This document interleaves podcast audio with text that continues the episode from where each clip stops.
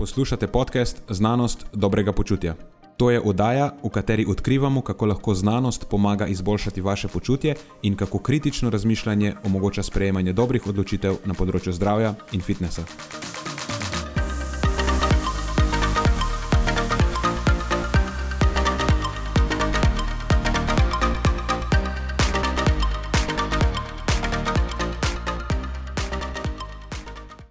Pozdravljeni, z vami smo Nenad in moj sovoditelj Matjaš. Temi tokratne epizode sta vpliv dolgotrajne uporabe anabolnih steroidov na staranje možganov in povezava uživanja kave z izidi na področju zdravja možganov.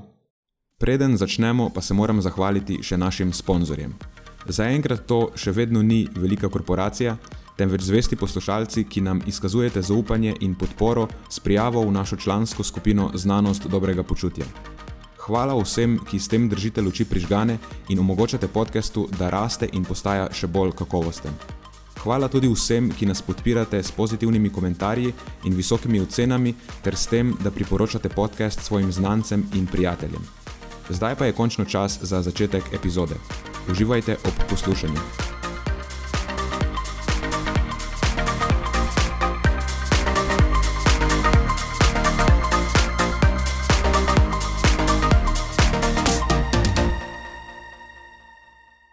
Pripravljena? Ja, pripravljena. So ustrezno alkaloidizirana za današnjo epizodo? Uh, lej, zate vem, da si, to je brez vprašanja. Jaz sem pa tudi spil kavico ali dve do te točke, tako da mislim, da, da bo to dovolj. Lahko začneva. Tematska je danes epizoda in je to primerno, da smo taka, kot smo v tem stanju. Ja, ja res je. Res je. Kako smo sploh prišli do, do, do te teme? Ne, mislim, da si nekako ti dal povod za to, svojo temo. Možno je, ja, to pa res. Pa res. Pa sem potem jaz rekel, da bom poskušal najti neko sorodno, ki se bo tudi tvoja se dotika zdravja možganov, da se bo tudi moja dotikala zdravja možganov. In uh, ker se tvoja dotika vpliva snovi zunanjega izvora na zdravje možganov. In potem nekako, uh, jaz sem se spomnil, da obstaja ena starejša metaanaliza. Pa dobro, ni spet tako stara, ampak par let je stara ki se pa ukvarja z vplivom neke druge snovi, oziroma živila, ki vsebuje razne snovi in vplivom teh snovi na zdravje možganov. Vidim, kako se spotikaš ob to, da, da probaš ne izdati, kar pride v nadaljevanju. Ja, ja, ja res je, res je. Najprej uvod. Najprej uvod. Uh, ja, škaj ne rečem, da boš malo bolj jezen na me, ker ti ponovno, to že drugi zapored, kradem teme vezane na zdravje možganov, ampak super, me veseli, me veseli, da nisi jezen, ampak da si pripel še svojo temo zraven. Vse mislim, da sem ti že prejšnjič komuniciral, da sem v bistvu zelo vesel, da se lahko pogovarjam o, o tej temi, ki mi je zelo ljuba. Tako da mhm. ti kar zbiraj te stvari, jaz podpiram to tvoje navdušenje. Ok, ok, super. Eh, veš, kaj preden začneva, včeraj sem naletel na eno zanimivo stvar eh, na strani od Statiste. To je Statista, je ta podatkovna platforma, ki zbira vse sorte podatkov, eh, predvsem iz področja kaj to biznisa, pač posla, ampak ta biznis, ne vem, če je njih najbolj primeren izraz. Pač zbirajo vse sorte podatkov, tudi kar se tiče vem, farmacije, pa raznih industrij po svetu. V glavnem, eh, to sicer se nanaš, ne nanaša na zdravje direktno, ampak mogoče, mogoče pa. Vseeno, eh, gre, gre se za varnost, vse tudi v končni fazi naša varnost vpliva na naše počutje in posledično zdravje, najbrž. In sicer po, varnost na spletu. In eh, predstavili so nekako, eh, kako varna so naša gesla, s katerimi ponovadi zaščitimo svoje profile na ne, raznih, bolj ali manj pomembnih eh, spletnih aplikacijah.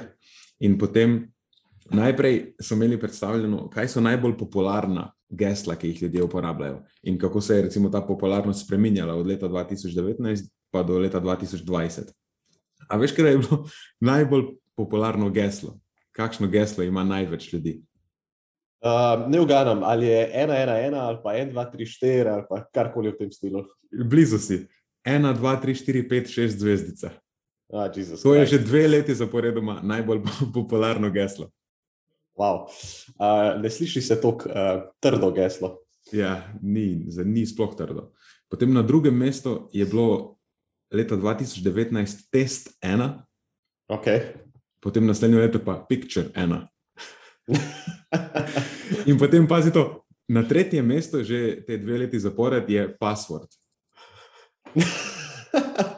In to je pa že tako filmsko, kako si ja. že ščitil svoje geslo. Uh, veš, za nekoga, morda starejšega, ki ni tako zverziran v uporabi tehnologije, potem pa pač ta password, password in to je to. Ja, in potem imaš na četrtem mestu so, je šest enic, in na petem mestu je ena, dva, tri, ena, dva, tri. Tako da očitno je varnostna kultura večine ljudi na zelo nizkem nivoju, ampak potem so oni vseeno konstruktivno uh, lotili te zadeve in so predstavili, koliko časa bi potreboval računalnik, da zlomi tvoje geslo, ne v odvisnosti od tega, kako zapleteno je tvoje geslo. Recimo, koliko znakov ima najprej. In potem, ali vsebuje samo ta lowercase letters, torej majhne črke, ali vsebuje vsaj eno veliko črko, ali vsebuje zraven ene velike črke še vsaj eno številko, in potem, a poleg vsega tega, vsebuje še vsaj en simbol. In imaš tam, recimo, do osmih znakov, če je tvoje geslo dolgo osem znakov, pa vsebuje samo te majhne črke, računalnik to zlomi instantno, tako instantno, ne rabi niti ene sekunde, da ugotovi kakšno je tvoje geslo. Potem, če k tem osmim znakom dodaš vsaj en uppercase, rabi 20 minut. Če potem dodaš še številko zraven, rabi eno uro. Če dodaš še simbol zraven, rabi 8 ur. In potem, če imaš 9 znakov, recimo, pa dodaš vsaj eno veliko črko, rabi 19 ur, če dodaš eno številko, rabi 3 dni, če dodaš vsaj en simbol, rabi 3 tedne. In potem tako se te zadeve stopnjujejo in prideš, da rabi, če imaš deset znakov, pa vsaj eno veliko črko rabi en mesec. Sicer še zmeraj en mesec ni tako veliko časa. Potem, če dodaš eno številko, rabi sedem mesecev, in če dodaš en simbol, rabi pet let. In eh, nekako konča se ta tabela z dvanajstimi znaki, ki vsebujejo vsaj eno veliko črko, vsaj eno številko in vsaj en simbol. In traja potem to vse skupaj za računalnik 34 tisoč let. To je super varno geslo. Okay. Uh, Zanimalo me je, kdaj pridemo do tiste točke, kjer je to besedno nemogoče, ali pa si nekdo enostavno ne bi toliko časa mogel vzeti za hekanje. Torej, 12 znakov mešanih.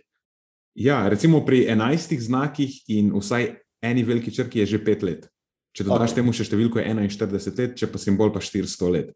Tako da tu nekje med desetimi znaki, nad desetimi znaki, pa da uporabljaš vsaj velike črke, pa neke številke, je en mesec, pa sedem mesecev, pa pol, če daš simbol, je pet let. Tako da jaz uspodbujam, da ljudje uporabljajo daljša gesla in da dodajajo tudi velike črke, številke pa simbole. Čisto ja, konkretno, jaz imam razvit sistem, kjer za vsak profil uporabljam uh, drugačno geslo, nikoli nimam istih gesel. Je neka sestavljanka, tako da si lahko, lahko zapomnim, kakšna gesla so. Imam neke konstantne besede, pa nekaj, kar vedno varira v odvisnosti od tega, na kateri strani sem in potem so te razdelki so ločeni z simboli, pa vmes so velike črke. No, mislim, zdaj si s temi podatki povedal dosti informacij, da zdaj računalnik lahko skrajša svoj srč iz 43 tisoč let na 41 tisoč let. Da... Po moje ne more, veš, ker tudi ta gesla so daljša od 12 znakov. Tako da po moje, za moje gesla bi rabo tam vsaj 50 tisoč let. Skratka, če potegnemo črto, ne sem matrat z nekimi gesli, ne mogoče je.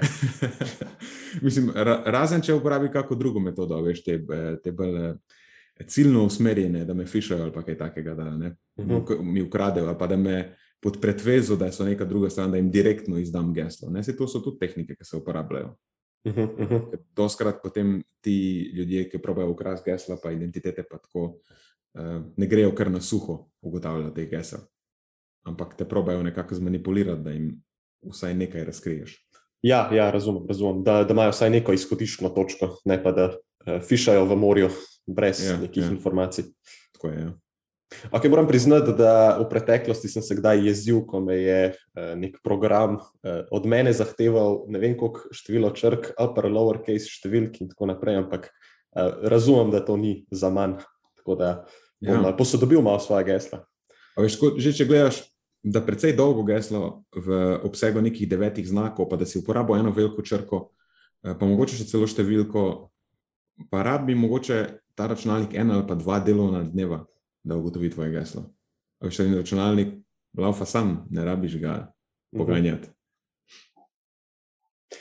V bistvu, um, tako kot si šel po tem stopničastem procesu, nekako niti ni pol neke bistvene razlike od tistih uh, 1, 2, 3, 1, pa potem od gesel z uh, samo eno številko, pa čeprav so malo daljša in podobno. Tako da, če se že greš tega, potem je smiselno iti 10 plus in pa menjava različnih številk, lower, uppercase, znakov in podobno.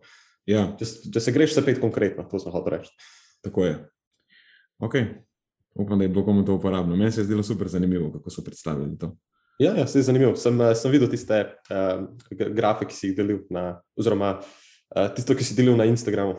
Uh mhm, -huh, ja, na Instagramu je bila objavljena infografika, ki so jo uh -huh. na statistični strani objavili. Evo, še, en, še en zanimiv način, kako nam statistika uh, obarva življenje. Tako je. Ok, a imaš ti kako zanimivost za nas?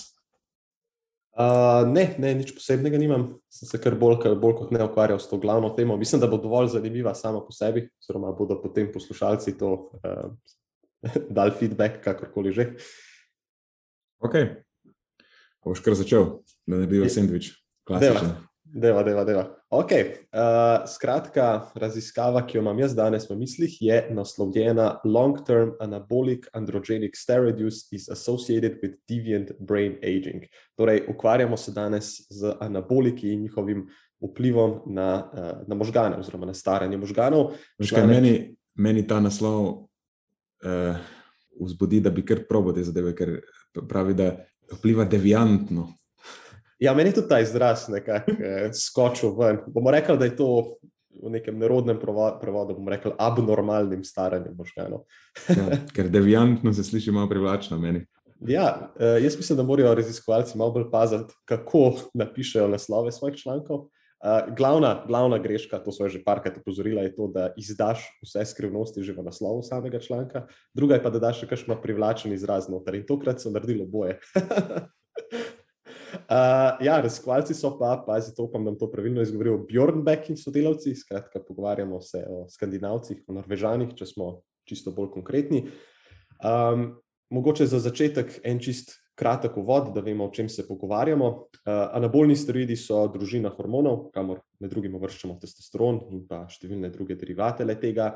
In vemo, da imajo suprafiziološke doze teh hormonov, skratka, količine um, nad tistimi najdenimi v telesu, v kombinaciji z vadbo za moč imajo zelo izrazit učinek na hitrejše pridobivanje puste mase in mišične moči, in zato tudi ni čudno, da se anaboliko poslužujejo bodybuilderji in pa drugi športniki po vsem svetu že od tam cirka zgodnih 50 let prejšnjega stoletja dalje z največjim poskokom v rabi v generalni populaciji, tam nekje od 1980 dalje. In ti anaboliki se pogosto koristijo v kvantitetah, tam cirka 250 do 5000 mg celokupnih anabolikov na teden. Sam tako za primerjavo, to je tam nekje od 5 pa vse do 100 krat več anabolnih hormonov napram naravnim nivojem v telesu nekega odraslega moškega, kar so kar visoke količine. In uživanje teh anabolikov lahko potem seveda zatre naravne mehanizme proizvajanja hormonov, kot so testosteron, folikul stimulirajoč hormon in podobno, oziroma lahko rečemo, da imajo na splošno negativen vpliv na to hipotalamično, hipofizno, gonadno os. Še posebej, če se koristijo dolgoročno. Ne. Ampak kljub temu, da anaboliki niso nič novega in vemo, da imajo številne negativne vplive na zdravje, pa so raziskave o vplivu anabolikov na zdravje možganov precej slabo raziskani. In zato sem se v bistvu danes tudi odločil za to raziskavo. Ne. Ker dejstvo je, da anaboliki prečkajo krvno-možgansko bariero in imajo vpliv na možgane oziroma centralni žilčni sistem, in nekatere novejše raziskave na tem področju že prikazujejo korelacijo med dolgotrajnim uživanjem anabolikov in slabšo sposobnostjo pomnjenja, slabšo sposobnostjo reševanja problemov, um, nakazujejo na neke strukturne, funkcionalne, neurokemične uh, razlike v strukturi možganov, in večina teh raziskav je seveda korelacijskega tipa, si predstavljate, zakaj. Podobno velja tudi za raziskavo, katero danes predstavljam, ampak vseeno, to so precej taki zaskrbljujoči podatki. Tako da, če se vrnem na to našo raziskavo, kar se tiče same metodologije, so naredili nekaj precej zanimivega, vsaj meni se tako zdi, Na podlagi MRI podatkov skeniranih možganov več kot 1800 posameznikov, starih med 18 in 92 let, so naredili tak računalniški model, ki lahko potem predvideva o individualni starosti nekega tujega oziroma novega seta podatkov In s takim modelom lahko potem ocenimo starost možganov posameznika in jo potem primerjamo z njegovo dejansko kronološko starostjo. In ta razlika med dejansko starostjo posameznikov in pa to predvideno ali pa ocenjeno starostjo možganov se imenuje tako imenovani brain gap oziroma oznaka BAG, kjer se beseda gap nanaša na razkorak med kronološko starostjo in pa ocenjeno starostjo posameznikov. In ta BAG deluje kot neke vrste marker zdravja možganov, zato ker večji kot je ta BAG, ta marker, oziroma večja kot je razlika med dejansko starostjo posameznikov v primerjavi z njegovo predvideno starostjo na podlagi MRI slik, več težav si posameznik lahko nakoplje, oziroma je to običajno povezano s številnimi bolenji, kot so demenca, druga nevrodegenerativne obolenja, tudi smrtnosti na splošno in podobno. No, in kar so potem raziskovalci naredili, so rekrutirali odrasle posameznike, ki so se bolj resno udejstvovali v treningu za moč na področju Norveške, in med njimi so rekrutirali take, ki so uporabljali anabolike že dlje časa, in pa take, ki se jih še niso dotaknili. In tako so nabrali približno 130 uporabnikov steroidov, ki so uporabljali anabolike vsaj eno leto, nekateri med njimi že preko deset let, pa slabih 100 posameznikov, ki jih niso koristili. Da, meni se zdi to kar soliden vzorec, glede na to si predstavljam, da ni ravno najlažje dobiti ljudi, ki priznajo, da uporabljajo anabolike. Uh, pa mogoče še, še en fun fact, ker preko tega enostavno ne morem, ker se pogovarjamo tle o najljubši vaji tega podcasta ali pa drugi najljubši vaji tega podcasta. Uh, vemo, da je bil resen vzorec ljudi, zato ker je bil povprečen maksimalen bench press kontrolne skupine, skratka tiste, ki ni uporabljala anabolikov, je bil kar 140 kg, za tiste, ki pa, nis, ki, pardon, ki pa so uporabljali anabolike, je bil pa preko 170 kg. Meni se zdi to kar tako, resno trenirana populacija. Kaj rečeš, ne? Ja, absolutno strinjam.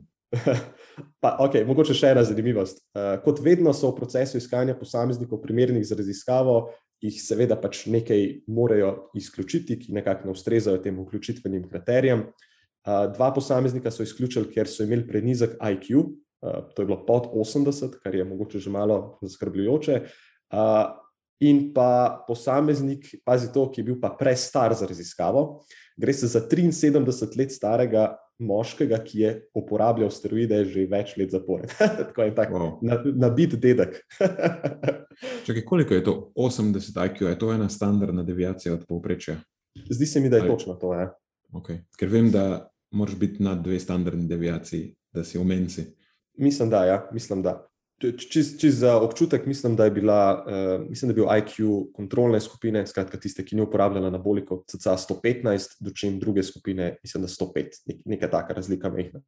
Um, uh, no, in s temi posamezniki so potem upravili uh, to MRI slikanje možganov in pa spremljali različne parametre zoper podatkom o starosti možganov, ki so jih uh, zmodelirali. Uh, In s tem so dobili njihove podatke o BAG, oziroma temu razkoraku med pravo, kronološko starostjo udeležencev v odvisnosti od uporabe steroidov ali ne, zoper njihovi ocenjeni starosti s pomočjo tistega modela. In rezultati so pokazali, da so uporabniki anabolikov imeli bistveno višji BAG v primerjavi s kontrolno skupino in da je bila ta asociacija še dalje višja od odvisnosti od tega, kako dolgo časa so uživali anabolike. Dlje časa, kot so jih koristili, večji je bil ta razkorak. In to nakazuje na to, da bi kronična uporaba steroidov morda lahko vplivala na hitrejše staranje možganov, in pa da je ta učinek vse večji v primeru dalj časa trajajoče uporabe. Recimo, mislim, da je bil največji BAG pri tistih, ki so uporabljali steroide že preko deset let, kar je mislim, že kar dolg, da, zelo dolgo časa trajajoča uporaba anabolikov, on and off, v smislu nekega cikliranja. Um, in tukaj so raziskovalci naredili en tak zelo zanimiv graf starosti posameznikov proti njihovi starosti možganov, ne v odvisnosti od tega, uporabljajo anabolike ali ne. Um, potem so tukaj še podatki, nek nekateri drugi podatki, recimo poleg dolžine uporabe. Anabolikov je bil večji BAG zaznan tudi pri posameznikih, ki so izkazovali simptome odvisnosti od anabolikov. In po drugi strani je bilo zanimivo tudi to, da niso odkrili pa nobenih posebnih razlik pri tistih, ki so bili pretekli uporabniki anabolikov in so prenehali z njihovo uporabo pred več kot šestimi meseci pred začetkom raziskave. Ne, pogoče še en tak zanimiv podatek ali pa nekaj, kar lahko, pa lahko imamo v mislih za nadaljne raziskave. In pa Prav tako so bili zanimivi še nekateri drugi pridobljeni podatki, recimo o stopni izobrazbe in pa o IQ-ju. Oba parametra sta bila nekoliko višja pri tistih, ki niso uporabljali steroidov. Zdaj, mogoče je to presenetljivo, mogoče to ni presenetljivo. In ja, to je, to je pravzaprav to. No. Um, mislim, da je ta aspekt uporabe anabolikov v fitness industriji tako malo spregledan. Uh, veliko krat govorimo o nekih negativnih vplivih na, na, na splošno zdravje, na, na, na zdravje krvne slike, organov in podobno, ampak ta aspekt vpliva na možgane je pa nekaj, kar okay, po eni strani še ni tako dobro raziskano, ampak po drugi strani pa um, je, mislim, da tudi zelo pogosto uh, spregledan. Ne vem, kaj, kaj, kaj si ti misliš, Nenad? Ja, še zmeraj se o tem ne govori. Mislim, da je logično, zakaj ne. Ljudje, ki to delajo, načeloma ne marajo razkriva, ja. razkrivati tega, da imajo neko, kako bi temu rekla, dodatno eh, nefer, nefer prednost. Ja, ja, ja. Um, veš, kaj me zanima, ali so uh, povedali, kaj o tem obstaja mogoče nek uh, dose response, torej razmerje uh, odmerka in učinka. Ja, ja, to je um, ja, zelo dobro vprašanje. Nekaj je, nekaj je bilo nakazano v tem smislu uh, pri tistih posameznikih, ki so izkazovali simptome odvisnosti, v tem smislu, da naj bi uporabljali malce večje doze kot ostali, ampak uh, nič konkretnega. Pravzaprav. Jaz bi si predstavljal, da nekaj zagotovo je na tem, še posebej z ozirom na to, da so tisti posamezniki, uh, ki so prenehali z uporabo anabolikov, um, se jim očitno je stvar nekako normalizirala do neke mere, če lahko tako rečem. Tako da najbrž nekaj je na tem, ne morem pa, oziroma tudi oni niso nič konkretnega povedali na to temo. Mm, ja, ker se tukaj govorijo o anabolikih, to je, so derivati um, testosterona. Ne? Uh, gre za neke snovi, ki so načeloma uh, sintetičnega porekla. Ja, ja tako. tako. Uh, vprašanje je tudi tukaj, nisem prepričan, kako bi lahko v tem trenutku kaj zelo konkretnega ven izpeljali iz tega, glede na to, da teh protokolov je nešteto, anabolikov prav tako. Uh, tako da najbolj ja. bi se tukaj šlo za učinek nekega specifičnega anabolika ali pa kombinacije le teh, pa potem v odvisnosti tudi od časa trajanja in tako naprej. Po mojem, zelo, zelo, zelo težko reči. Ja, sicer... zelo, zelo površen pregled tega je. In pač ugotovili so, da ljudje, ki uporabljajo anabolike, kakršni koli to že so, tako zelo eh, nizke resolucije, ja, slabo resolucijo ima ta zadeva. Pač nakazuje to, ja, v smeri, da uporaba anabolikov neugodno vpliva lahko na zdravje možganov. Ne moramo pa jih reči, veš, točno kjer, točno kakšnimi odmerki in tako naprej. Točno to, točno to. Vse skupaj je še en razlog, da tega ne probaš. Ja, ja uh, je točno to. Točno to. Veš, uh, oziroma, da, da vsaj narediš neko cost-benefit kalkulacijo. Mislim, če se že greš česar koli v življenju, veš, razumeš, vsaj moraš razpolagati z vsemi podatki potrebnimi, veš, v, v, v kar greš noter v to. In zdaj, če bi jaz vedel, da obstaja neka najmanjša verjetnost nekega tveganja, še posebej za zdravje možganov, se absolutno se ne bi tega šel. Ja, ne, hvala. Ja, ne, hvala. Se ta cost-benefit kalkulacija nikakor ne izide. Ja, ja, ja točno to. Točno to. Veš kaj, zanimalo bi me pa mogoče potem, mogoče lahko to poiščemo za kdaj naslednjič, kako pa neko dodajanje testosterona vpliva na te stvari. Spoh, recimo pri ljudeh, ki uh, imajo določene težave, recimo do, do nekega hipogonadizma. Pa tako, to pa mislim, da vemo tudi, da obstaja neko uh, to bifazno razmerje, ne, kjer imaš pri nizkih ravneh poslabšano zdravje možganov. Um, bi me pa zanimalo, kaj se zgodi, če dejansko testosterona dodajaš. Uh, ja, še, še en zelo dober point. Tako, testosteron, uh, recimo, ni, ni anabolik. Ne? Ja, ja, pač androgeni ja. steroid, ki sicer ima tudi neke anabolne učinke, ampak ne glih pretirano veliki. No, to, točno to je nekaj, kar tudi izpostavijo dejansko v, v vodnem delu tega članka. Uh, in sicer v tem smislu, da, da neke nižje doze dodajanja testosterona pa imajo načeloma ravno nasproten učinek. Uh, tako da v, v tem smislu, da imajo celo pozitiven vpliv iz tega vidika. Ne. Tako da ja, nek, nekaj je to, da ti recimo nekako um, primankuje testosterona, ne, klinično dokazano in potem ti dodajo v nekih teh TRT dozah. Uh, to je po mojem prej koristno in tako je bilo vsaj izpostavljeno na začetku članka, nisem pa nekega deep dive delal. Uh, dočim nekaj čisto drugega je pa uporaba anabolikov tako uh, ne, po, po svoje in v bistveno višjih dozah, kot kar tiste RT. Okay, cool. Potem je moja strategija, da tam pri nekje 40-50 letih začnem dodajati vzdrževalno dozo testosterona za ohranjanje kognitivnih funkcij, še zmeraj drži vodo. Mislim, to ni tvoja strategija, to je najna strategija. ja, ja, ja, absolutno. Mislim, uh, mogoče je to res eh, dobra distinkcija za res. Uh, mislim, da potem mečejo v koš posamezniki vse te stvari v eno in isto zadevo, ampak, ampak ni. okay, cool. Ja, ker doskrat, ko nekdo omeni uh, hormone, je samo negativna konotacija. Mhm. Spoh v zadnji časi sem bil večkrat udeležen v nekem pogovoru o dodajanju hormonov, ne, te pač nadomestne terapije, spoh v smislu kasneje po menopauzi. In um, se v tem primeru samo govorimo o tem, da se nadomesti fiziološka funkcija tega. Veš, kaj enkrat zadeva upade, pa je več nimaš, potem mogoče je to celo nekaj, kar je najbližje nekemu uh, vrelcu mladosti. Ja, dejansko. Ja. Zunanjo, ne, z, nekim, z neko zunanjo pomočjo si povrneš zdravnike, ki si jih prejmejo v mladosti. Je pa absolutno, da mi dva nismo zdravnika, ne naj jo poslušati, pejte zdravnika vprašati, uh, preden to delate. Uh, ker, ker itak, potem, ko začneš enkrat te stvari nadomeščati, je to treba delati nadzorovano.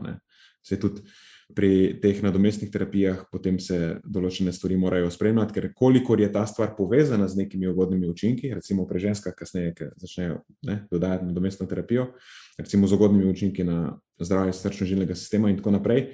Vsem obstaja manjša verjetnost za neke druge neugodne izide, recimo za raka na dojki, pa se potem te stvari spremljajo. Ampak je, se mi zdi zgodba zelo podobna kot s cepivi. Terapija ima določene pozitivne učinke, ki, so, ki recimo odtehtajo vse tiste manjše verjetnosti za neke negativne učinke, se mi zdi, ne? tudi kar se tiče kakovosti življenja, pa vsega tega. Tako da pač, ko govorimo o nadomeščanju nekih eh, fizioloških ravni teh hormonov, mislim, da nas ne rabe biti tako strahno. Ker da se mi zdi, da večina ljudi, sem kaj jim nekdo omeni hormone, a to je pa zdaj negativno, ne bomo dodajali hormonov, dočim v nekih življenjskih obdobjih je lahko to glih najboljše, kar narediš. Ja, ja, res je. In pa, in pa dobra primerjava. Pa zanimivo je ta negativna konotacija, pogosto povezana ja, točno s testosteronom. Ne opazim je pa tokrat, recimo, za kakšne druge stvari, ali ščitnica. Nisem še slišal, da bi nekdo imel neke negativne konotacije. Okay, ščitnica ne dela najbolje, potem se dodaja. Uh, veš, tudi, tudi, pač dodaja se tisto, kar telo nekako normalno ne proizvaja. Ne pogovarjamo se zdaj o dodajanju nekih abnormalnih doz uh, a veš, nekje tam na črni ulici, da ti nek uh, dealer prinese te stvari. Ne vem, kaj to je. Ja, nekaj čist, ne, nekaj govorimo, ne govorimo o dodajanju nekih stvari, ki sicer niso bile nikoli prisotne tako, v telesu. To, ajde, pri anabolikih razumem, ker pač v, uvajaš neko snov, ki prej ni bila nikoli prisotna v telesu. Tukaj govorimo pač o nadomeščanju hormonov, ki so prej bili, pa je vse delalo normalno, zdaj pa pač ta funkcija naravno, nekako starosti začne opadati, pa samo začneš nadomeščati eh, tisto, kar ti manjka. Ja, res je. Ampak še enkrat, mi to nismo zdravnika, pejte se pozanimati k zdravniku. ok, ok, super. Um, dobro ena, ena uh, substanca, vpliv ene substance na zdravje možganov v prehod na drugo substanco, ki tako, prav tako vpliva na zdravje možganov. Ja, tudi, uh, pa, je, ampak je malo bolj mila substanca.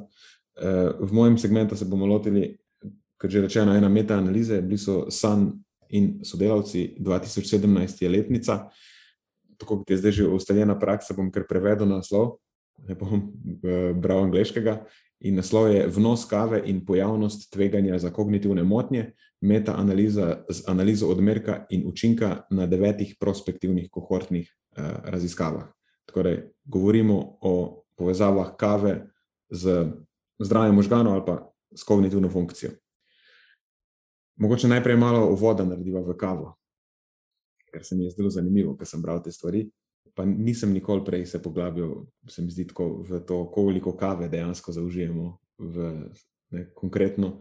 In ocenjuje se, da globalna potrošnja kave, mislim, zadeva je res usupljiva, bo dosegla, a pa je že dosegla slabih 170 milijonov 60 kg vreč kave.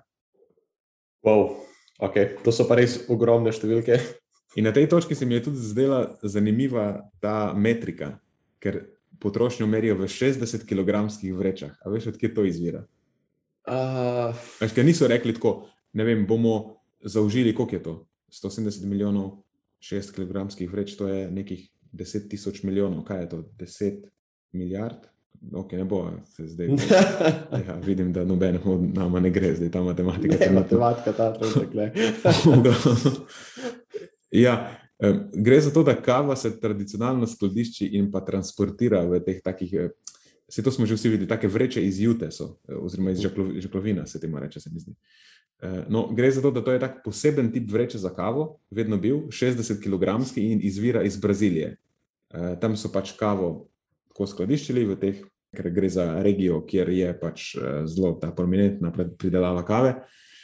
In eh, danes je to postal svetovni standard, in tudi ta FAO statistika za pridelavo kave se izraža v 60 kg vrečah. Tako da to je en tak zanimiv običaj.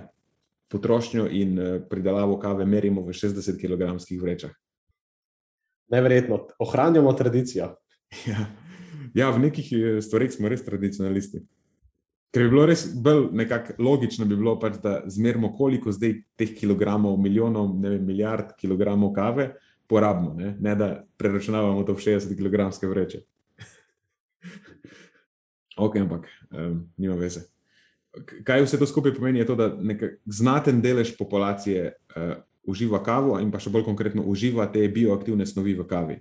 In vse to v količinah, ki so pokazane, da imajo vpliv na, na naše telo, oziroma na delovanje mnogih telesnih sistemov. Imáš povezave od srca in užilja, pa ne, do možganov.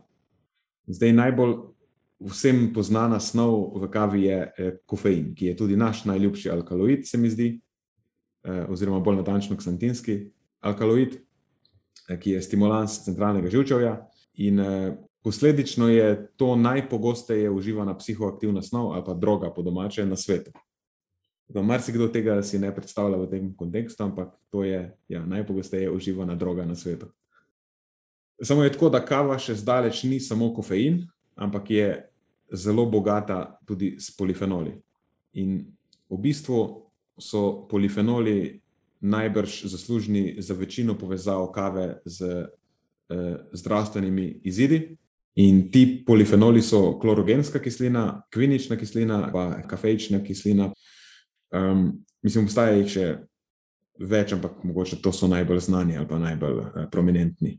In vemo, da recimo pitje kave uh, zviša koncentracije teh polifenolov v krvi in to še v večji meri, kot to lahko uspe vem, kakavu ali pa raznim čajem, ki se uh, pogosto omenjajo kot ne, bogati viri uh, teh polifenolov.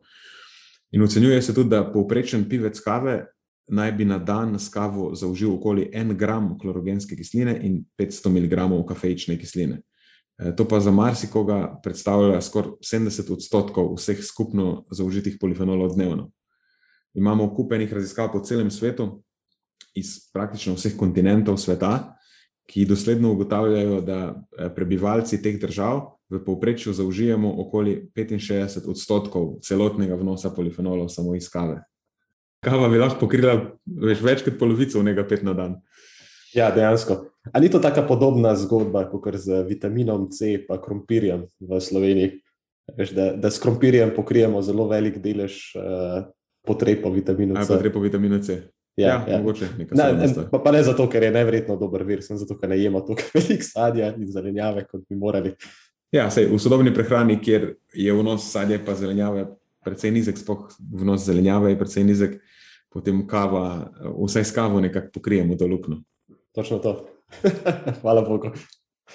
Uh, ja, in pač ne, to ni nezanemarljivo, ker imamo precej dobre mehanistične dokaze, uh, ki potem vnos teh bioaktivnih snovi v kavi uh, najprej v prvi vrsti povezujejo z nekim boljšim uravnavanjem vnetnih procesov in pa pospešenim delovanjem teh, uh, te endogene oziroma telesolastne antioksidativne obrambe, uh, posledično pa potem ne, se pokažejo tudi povezave z ugodnimi učinki na užilje. In to ne obsega samo srčno-žilnega sistema, ampak možgansko-žilni sistem, in pa z ugodnimi učinki na eh, neke bolj specifične eh, domene kognicije. Tukaj so predvsem povezave z učenjem in spominom. In vse to kaže, da uživanje kave bi lahko imelo neuroprotektivni učinek, oziroma je velika verjetnost, da se kaj takega dejansko uh, pokaže. Torej, to je recimo neka hipoteza, ki jo imamo, zdaj se pa lahko lotimo dokazov. Pred to metaanalizo je bila opravljena že ena klasična raziskava na tem področju, pa tudi v metaanalizi je vključena. To je The Italian Longitudinal Study on Aging, to so Solfrici in sodelavci iz 2015, mimo grede, Solfrici je znan raziskovalec v prehrani, italijan. No, in ta raziskava je pokazala, eh, da je redno uživanje ene do dveh šalic kave na dan povezano s signifikantnim znižanjem tveganja za blago kognitivno prizadetost pri starejših odraslih. Um, in iz tega potem nekako tudi, uh, mislim, da od te točke naprej izhaja to zanimanje, oziroma je ta zadeva je pospešila to zanimanje, kako bi lahko bila kava vpletena v zdravje možganov. No, in zdaj imamo to uh, San in sodelavci metaanalizo, ki je nekako poskušala povzeti to in vse starejše, in tudi nekaj novejših raziskav na tem področju.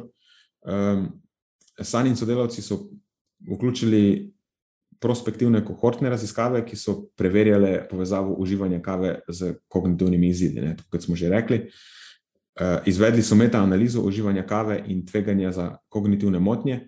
Uh, te kognitivne motnje, če jih če naredimo breakdown, ne, kako so jih karakterizirali. To so bile kognitivna prizadetost, kognitivno usihanje, eh, demenco in Alzheimerjevo bolezen. To so stvari, eh, ki so jih specifično zanimale, to so tudi neki končni izidi, ne? neki hard outcomes, temu rečejo. Mm, vključitveni kriteriji eh, za raziskave, ki so jih vključili, so bili ti, da zadeva je morala biti prospektivne zasnove, ne? torej imamo vključene opazovalne raziskave na nekem vzorcu, ki vključuje zdrave ljudi, preden se razvije ta izid, ki ga preverjajo, in potem te ljudi spremljajo dlje časa in ugotavljajo, kdaj in kako pogosto pride eh, do ne, nekega izida, oziroma tega izida, ki ga preverjajo. Potem še en kriterij je bil, da raziskave so morale poročati o razmerju med kavo in kognitivnimi motnjami, logično. In pa poročati so morale povezave v smislu relativnega tveganja, razmerja tveganja ali razmerja obetov, pa zraven tega še eh, pripadajoče 95-odstotne intervale zaupanja. In na podlagi potem izbranih raziskav so v metaanalizi uživanje kave klasificirali v tri kategorije. Manj kot ena šalica na dan, kar pomeni v bistvu noč šalic na dan, potem ena do dve šalici na dan, in pa tri in več šalice na dan. Zdaj, zadeva ima par plusov. Prva je ta, da imamo jasno določene vključitvene kriterije, pač omejeni smo na prospektivne kohortne raziskave, ki jasno poročajo o izidih. Naredili so tudi eh, primerjalno analizo visokih in nizkih vnosov, pač imamo nek kontrast, ne, ni samo ali si užival kavo ali pa ne, ampak dejansko imamo ali manj kot ena, ena do dve, ne, tri ali več. Um, potem nekakšna nadgradnja tega, dobili smo tudi analizo odmerka in učinka, torej ta dose response analysis, kako se recimo ta uh, učinek razlikuje med različnimi odmerki.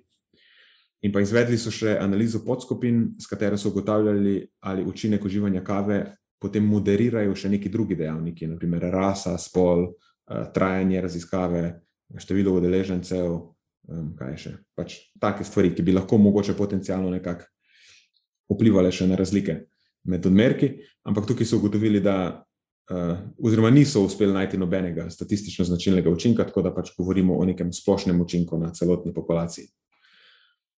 Ampak seveda moramo izpostaviti še minuse, če smo rekla pluse.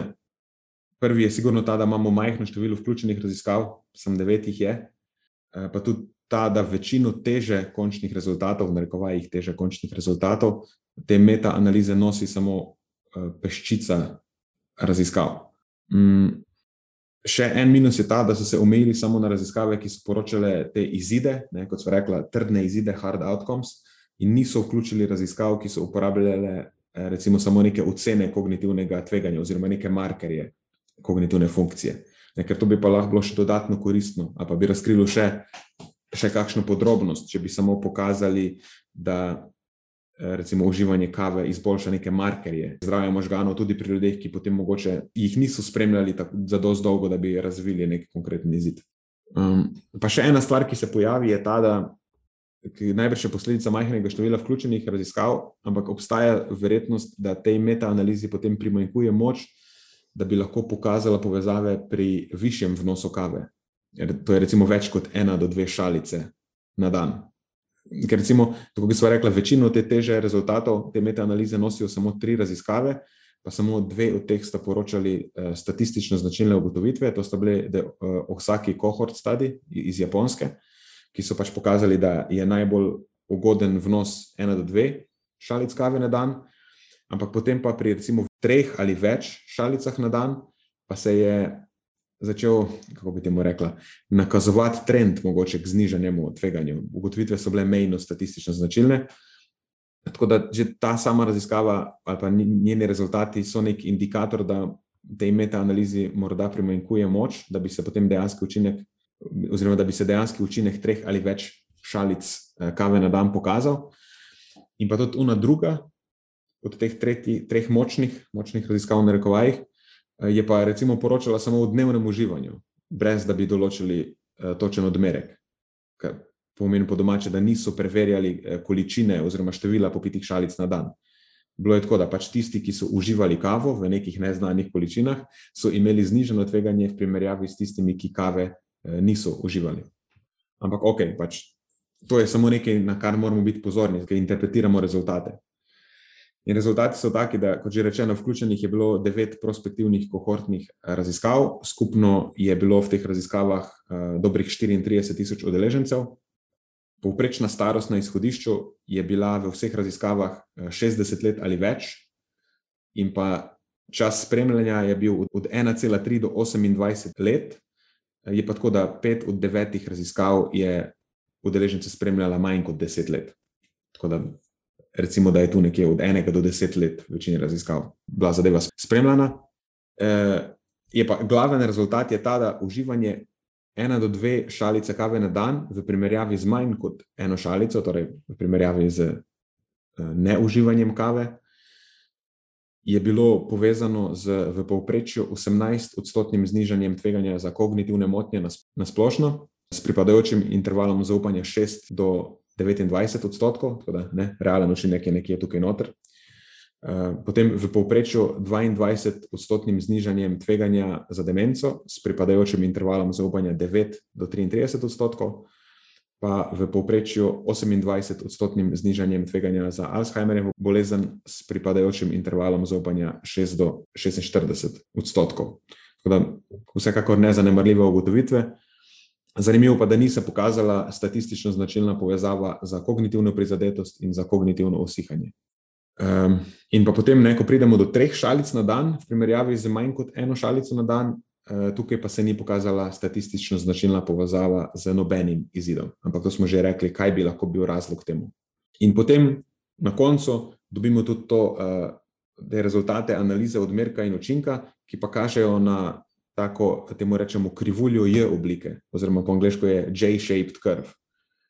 Um, ne, in ki tudi pokaže statistično značilno znižanje tveganja pri ena do dveh šalicah na dan, in potem, ko se zadeva povečuje iz teh uh, nad dve šalici na dan, tudi vidimo, da narašča ta, oziroma da se razširja um, interval zaupanja, ne, kar nekako nakazuje na to, da je tu, s tem, ker narašča količina zaužite kave, imamo manj in manj podatkov v teh, v teh količinah, in pač potem ta učinek nekako eh, zvodeni, oziroma v primerjavi z nič kave na dan, te tri ali več šalice kave na dan, več niso statistično značilno povezane z ugodnim učinkom.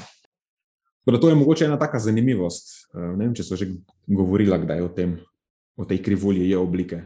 To je en tak pogost fenomen v biologiji, Eh, zapleteno ime za to eh, krivuljo je oblike, se prej sem že omenil, se mi zdi tam pri steroidih, ki so se pogovarjali, je pač biphasic dose response. Ne vem, kako bi to v slovenščino prevedla, nek, neko bifazno razmerje odmerka in učinka. Eh, in ta stvar je značilna za fenomen, ki mu rečemo hormeza. to pa mislim, da sva že omenjala, ampak vsem, recimo, lahko narediva še en tak hiter opis tega. Eh, hormeza je pač izraz, ki opisuje drugačen fiziološki odziv organizma eh, ob neki, eh, recimo, izpostavitvi, glede na velikost odmerka te izpostavitve. Naprimer, zdaj malo se zapletam, ampak da pravim to poenostaviti. Da imamo ugoden ali pa koristen učinek ob manjših odmerkih, in potem neugoden ali pa škodljiv učinek ob uh, višjih odmerkih. Ne? In nekako tukaj se pol predvideva, da gre za to, da lahko nižji odmerki ali pa neka nižja izpostavljenost nečemu uh, povzroča malo stresa. Uh, temu, doskrat, tako laično rečemo, povzroča nek koristen stres. In ta vrsta stresa, ali pa ta količina stresa, potem lahko stimulira koristne adaptacije, neke prilagoditve, Eh, in neke druge kompenzatorne mehanizme, ki so na dolgi rok koristni. En klasičen primer recimo, eh, tega koristnega stresa je tudi fizična aktivnost. Vemo, da fizična aktivnost je povezana s koristnimi učinki, ampak enkrat, ko začneš trenirati, kot so že rekli, enkrat rekla, zadnjič milijon ur na dan, to več potem zate ni koristno, ne, ker preobremenite mehanizme. In v primeru kave so recimo relevantni polifenoli, Eh, te polifenole telo načeloma obravnava kot, eh, to je karikirano rečeno, ne, jih obravnava kot uh, ksenobiotike, po domače kot neke tujke, in se na njih odzove podobno kot recimo na neka zdravila. Poskuša jih čim prej izločiti iz telesa, jih presnoviti. In da, da bi lahko to doseglo, ne, na ta račun se potem pospeši delovanje teh endogenih oziroma telesolastnih detoks in antioksidativnih mehanizmov. In ta učinek, kot je že rečeno, ustraja še nekaj časa po zaužitju teh snovi in deluje varovalno tudi na splošno, ne, ne samo konkretno na te snovi, ampak lahko telo lažje shendla potem tudi z nekimi drugimi snovmi, eh, ki bi načeloma delovale neugodno. Je pa tako, kot so že prej rekli, tudi ne, na primeru fizične aktivnosti, eh, ko je vnos teh, eh, v narekovaju, tujkov previsok, lahko um, angliška beseda je overwhelmajo, kako je to, um, nadvladajo ali pa preobremenijo, Sej, rekel sem, preobremenijo zaščitne mehanizme. Um, in to je potem najbrž tudi razlog, um, zakaj je pretirano vnos antioksidantov, to pa vemo v obliki prehranskih dopolnil, povezan z nek nekimi neugodnimi učinki tudi včasih. Ker eno je, če ti uh, uživaš te uh, polifenole ali pa ne, uh, lajično rečeno, antioksidante v, v živilih, tako recimo, ne miješ borovnice, pa uh, jagode, ali pa si šel kupiti zadevo v tvojo najljubšo trgovino s prehranskimi dopolnili in zdaj uh, uživaš mega doze tega, ki jih nikoli ne bi mogel zaužiti samo z borovnicami. In uh, no, kakorkoli zdaj, mogoče za kavo velja podobno. Te bioaktivne snovi v kavi pospešijo delovanje Eh, zaščitnih mehanizmov, ko jih uživamo v zmernih odmerkih, eh, ob nekem prekomernem vnosu, kakršen koli bi to bil, pa lahko začnejo povzročati tudi neko breme, in potem zaradi tega se vsaj del ugodnih povezav, eh, rečemo temu, razvodeni, ne, nehajo obstajati, ne? ker pač te, te kompenzatorni mehanizmi morajo vzhajati samo s, s temi snovmi, ne morejo biti več uporabljeni, spet karikirano rečeno, da bi ščitili proti nekim drugim stvarem. Um, ok, Mogoče čisto za konec, kakšne bi zdaj bile praktične implikacije hm, teh spoznanj. Ehm, rekli smo, da kava je signifikanten vir kofeina in polifenolov. Zdaj, ko se omenjajo polifenoli, večina najprej pomisli na sadje in pa na zelenjavo. Sam to so eh, že v uvodu rekla, da v sodobni prehrani mogoče sploh ne drži. In dejansko v sodobni prehrani so eden glavnih virov polifenolov napitki, recimo pravi čaj in kava. E, mogoče sicer tudi vino, ampak se veš. E, to pa mislim, da so kdaj prejšnjič obdelali, kako je s tem vinom. A, kako je že bilo? Možda, malo se mi že prepletajo vse te teme. Ja, v eni izmed, eni izmed nedavnih epizod, ni bilo tako jasno, je bilo v članku, se nimam pojma. Dobro vprašanje, dobil si me. ja, mislim, da je bilo dejansko v članku. Pač, ja, kako vino sicer vsebuje nekaj e, resveratrola in sorodnih snovi, ampak bi ga mogel zaužiti veliko preveč, da bi se to nekako. Ja, ja, točno. To, to je bil pa najmanj pogovor, vezan na tisti članek, ki smo ga pripravili za Merkator. Ja, točno, to je bilo to. Ja. Ja, veš, to je teh tem zanimivih, se kar prepletajo iz ene v drugo. ok, v glavnem, Torej, obstaja neka biološka verjetnost, rečemo temu, eh, da kava zaradi visoke vsebnosti polifenolov ima ugoden vpliv na kognitivne funkcije. Um, in v tej smeri kažejo tudi rezultati te metaanalize. Je pa tako, da uh, rezultati te konkretno metaanalize uh, Sun in sodelavcev so tako kot rezultati vsake metaanalize, pravzaprav uh, temeljijo na rezultatih v vključenih raziskav. In v tej situaciji moramo spet spomniti, da je bila to peščica uh, dokaj specifičnih raziskav, ki so preverjale samo izide in pa ki mogoče niso imele dovolj moči, da bi ugotavljale nek, bolj, nek, nek dejanski učinek, eh, spohaj zelo visokega vnosa.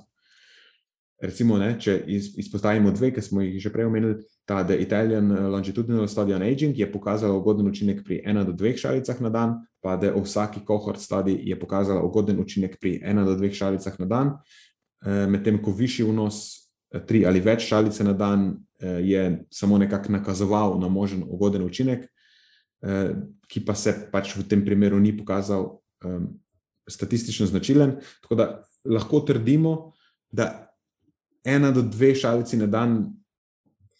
Pa sta nekako priporočljivi v smislu zdravja možganov, ne moremo pa reči z zagotovostjo, kaj se zgodi uh, v primerjavi z neuživanjem kave, če uživamo recimo tri šalice na dan ali, ali pa več. Ne? Tako da tega dejansko ne vemo. Uh, plus, zadevo še moramo dodatno kontekstualizirati. Uh, to lahko storimo s pomočjo ene raziskave, ki pa v to metaanalizo ni bila vključena. Uh, je pa to Finland, Italy and the Netherlands study, oziroma Fine study, kot je lepa kratica. Eh, tako kot že rečeno, zadeva je bila iz metaanalize izključena zato, ker ni poročala o končnih izidih, ne v smislu tega relativnega tveganja, ampak je uporabljala točkovnik Mini Mental State Examination, MMSE, ki daje rezultate, ki so neke vrste marker kognitivne funkcije, ne tudi pri ljudeh, ki še ne kažejo uh, nekih teh končnih izidov. Mm, ker tukaj, recimo pri tej Fine Study, se je skozi deset let spremljanja pokazal signifikanten učinek, eh, signifikanten zaščitni učinek proti kognitivnemu usihanju, ki je bilo ocenjeno s tem MMSE točkovnikom. Eh, in to v primerjavi z eh, nič šalicami na dan je bil največji ugoden učinek pri treh šalicah na dan, nekoliko manjši pri ena, dve ali pa štirih šalicah na dan, in še nekoliko manjši pri več kot uh, štirih šalicah na dan, s tem, da pri teh več kot štirih šalicah na dan se mi zdi, da je bil uh, pokazan spet samo trend uh, k umiljenemu kognitivnemu usihanju. Um, ampak razlika ni bila statistično značilna v primerjavi z nič šalicami na dan. Tako da tudi tukaj se kaže neke vrste ta krivulja J oblike kar se tiče teže dokazov na področju povezav uživanja kave in zdravja možganov, mislim, da so ugotovitve precej konsistentne. Uživanje kave kaže povezavo zdravja možganov, ki je te krivulje J oblike z najbolj ugodnim učinkom pri nekem eh, srednjem vnosu kave. Recimo, da bomo predpostavljali, da je to med ena do tri šalice na dan, ali pa ena do dve, če bi hoteli biti čist absolutno korektni. In uh, to se kaže tako v primerih, ko se preverjajo uh, bodi si te trdni izidi, ne, hard outcomes, kot naprimer demenca in Alzheimerjeva bolezen, kot tudi, ko se preverjajo uh, mehki izidi, torej soft outcomes, ne, kot smo rekli prej pri točkovniku, naprimer ocena kognitivne funkcije z MMSE. Je pa tako, da pač, kot druge v prehrani, tudi tukaj ima literatura še par luken, ki bi bilo fajn, da se eh, zapolnijo. Ena je recimo ta, da je večina raziskav opazovalne narave, tako da eh, komaj čakamo intervencijske raziskave bodoče, ki bodo morale ugotoviti, kakšna točno je vloga same kave, kakšna točno je vloga potem teh raznih bioaktivnih snovi v kavi, ne kofeina, posameznih polifenolov in tako naprej. Um, tako da tega zaenkrat nekako ne znamo še povedati. Um, Ja, za konec moram reči pa še to, en velik ampak. Eh, kljub temu, da smo omenili to eno od dve šalice, oziroma eno do tri šalice, eh, obstaja še en moteč dejavnik v tej celi zgodbi in to je individualen odziv na uživanje kave. Ker pri določenih posameznikih lahko višji vnos kave povzroči težave v smislu um, najbolj konkretno povišenega krvnega tlaka, pa motenega spanca, plus tudi to moramo omeniti, nosečnost. Ne? V nosečnosti se vnos kofeina uh, odsvetuje, oziroma ne samo, da se odsvetuje, ampak se ne moramo reči, da se ga prepoveduje, ampak vnos kofeina že v nekih relativno zmernih količinah je lahko potencialno nevaren za razvoj zarodka. Uh, tako da če je nekdo noseč, ali pa če nekdo občuti negativne učinke uživanja več kot recimo dveh šalic kave na dan, veš, potem kljub temu, da je na uh, večjih vzorcih v povprečju pokazan največji zaščitni učinek pri tem vnosu, okoli dveh šalic kave na dan. Tako visok vnos za tega posameznika, konkretno, eh, mogoče ne bo najbolj ugodna količina kave, in bi se bilo bolj smiselno zadovoljiti z eno. Eh, tako da to je pa še potem ne ta, kot angliži rečejo, kavijat. Mhm. Pa še v času dojenja, ne, bi morda tudi lahko izpostavila, če smo že nosili. Ja, ja, ja pardon, to sem pozabil. Ja. V času dojenja, ker pač zadeva. Ni fajn, če dojenček potem eh, pije alkoholi, alkoholide v mleku, še zraven. Pa začne, začne brcati. ja, pa ne more spati, ne? pa se vprašamo, zakaj ne more spati. Uh, super, super. Um, všeč so mi te praktične implikacije. Zagotovo si pa najbolj všeč raziskave, ki podpirajo mojo pristranskost. E, o kavi so običajno take. Če, torej... če glih ne vem, če jo podpira, ker tvoj vnos kave na dan, mislim, da preseže te dve šalici na dan. Ne, ne, e, vnos kave je že ta prav. Kakšne druge snovi potem presežejo kofein. ja, misliš, konkretno kofein. Ja. Tako, tako, tako. Uh, ampak ja, kava v nekih zmernih količinah je dobra za mozak. Jaz bom tako potegnil ven iz tega. V redu. Dovolj dobro. Ja. Um, mi je pa zanimivo, kokrat, eh, ko se pogovarjam generalno populacijo, kokrat ne letim na neko negativno konotacijo na kavo. Ne vem, če imaš ti ne tudi podobno izkušnjo, ampak zelo pogosto naletim na to. In se mi zdi, da vem, odkot izhaja ta negativna konotacija, e, in v bistvu si že vse omenil. No? Ena je že ta sama J. krivulja, koliko jo uživamo, deset skodelic na dan, najbrž ne bo imelo koristnega vpliva, vsaj predvidevam.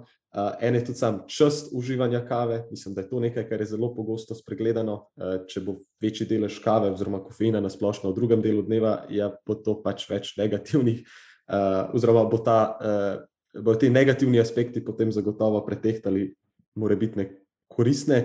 Um, tretja pa tudi ta, ki si jo prav tako že omenil, ne, ne nek individualen odziv na sam kofein oziroma na kavo. Uh, ampak um, Ja, zanimivo je. Mislim, da na kavo pogosto gledamo samo kot na kofein, pa, pa seveda temu ni tako. Več kot očitno je izvrsten in pa za nekatere ljudi, ali pa za večino ljudi, primarni vir polifonolov v njihovi prehrani. Mm. Ja, s tem smo se v preteklosti že večkrat soočali, da kava velja za neko eh, škodljivo razvado. Ja, tako je. Tako. Razlogov za to je najbrž več. Eno je, da se je v preteklosti povezovalo predvsem s kofeinom, ki je nek stimulans in pač ljudje imajo to prepričanje, da eh, stimulansi so slabi, eh, čeprav to ne drži tako vse splošno, ampak obstajajo ja, situacije, v katerih so slabi, pa v katerih mogoče niso tako slabi. Plus to, ne, da kava pač ni samo stimulans, ampak je živilo, pač kompleksno živilo, ki vsebuje tudi polifenole. Eh, še en razlog mogoče je pa ta, eh, da je kava na slabem glasu, je kontekst tega uživanja. Pač zdaj, veš, ne, ne vem. Eh, double latte, smetano, pa sprinkle on top, ki ga dobiš od Starbucksa, ni kava. Ne. Tisto je pač. Um, konkreten obrok. ja, tisto je v konkreten, otekočinjen uh, obrok z neugodno prehransko sestavo, z okusom kave. Utekočinjena sladica je to. Ja, nekaj takega v bistvu. Ja. Plus še ena stvar je ta, da zgodovinsko gledano se je kava uživala pogosto skupaj z kajenjem cigaret.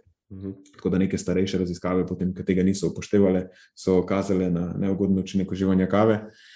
Uh, ampak, ko so, ko, ko, ko, nekak, ko so se začele zadeve nadzorovati, ne, da je bilo uh, vkalkulirano tudi to kajenje, se je potem pokazalo, da je uživanje kave samo pri kadilcih povezano z neugodnimi uh, izidi. To je bila potem tista smešna ugotovitev, da pitje kave povzroča raka na pljučih. Ja, ja, ja um, ja, pač kajenje povzroča raka na pljučih. Ok, super. Mislim, da smo pripeljali to epizodo k koncu. Ja, očitno je to to. To je za tokrat vse iz naše strani. Hvala, ker ste poslušali do konca. Delite epizodo s svojimi znanci in prijatelji in jo priporočajte dalje, saj s tem omogočite, da sporočilo znanost dobrega počutja doseže čim večjo množico. Hvala vsem, ki nas podpirate s članarino in tudi vsem ostalim, ki delite podcast dalje in nam izkazujete naklonjenost z visokimi ocenami in pozitivnimi komentarji. Se slišimo prihodnjič, do takrat pa ostanite premišljeni.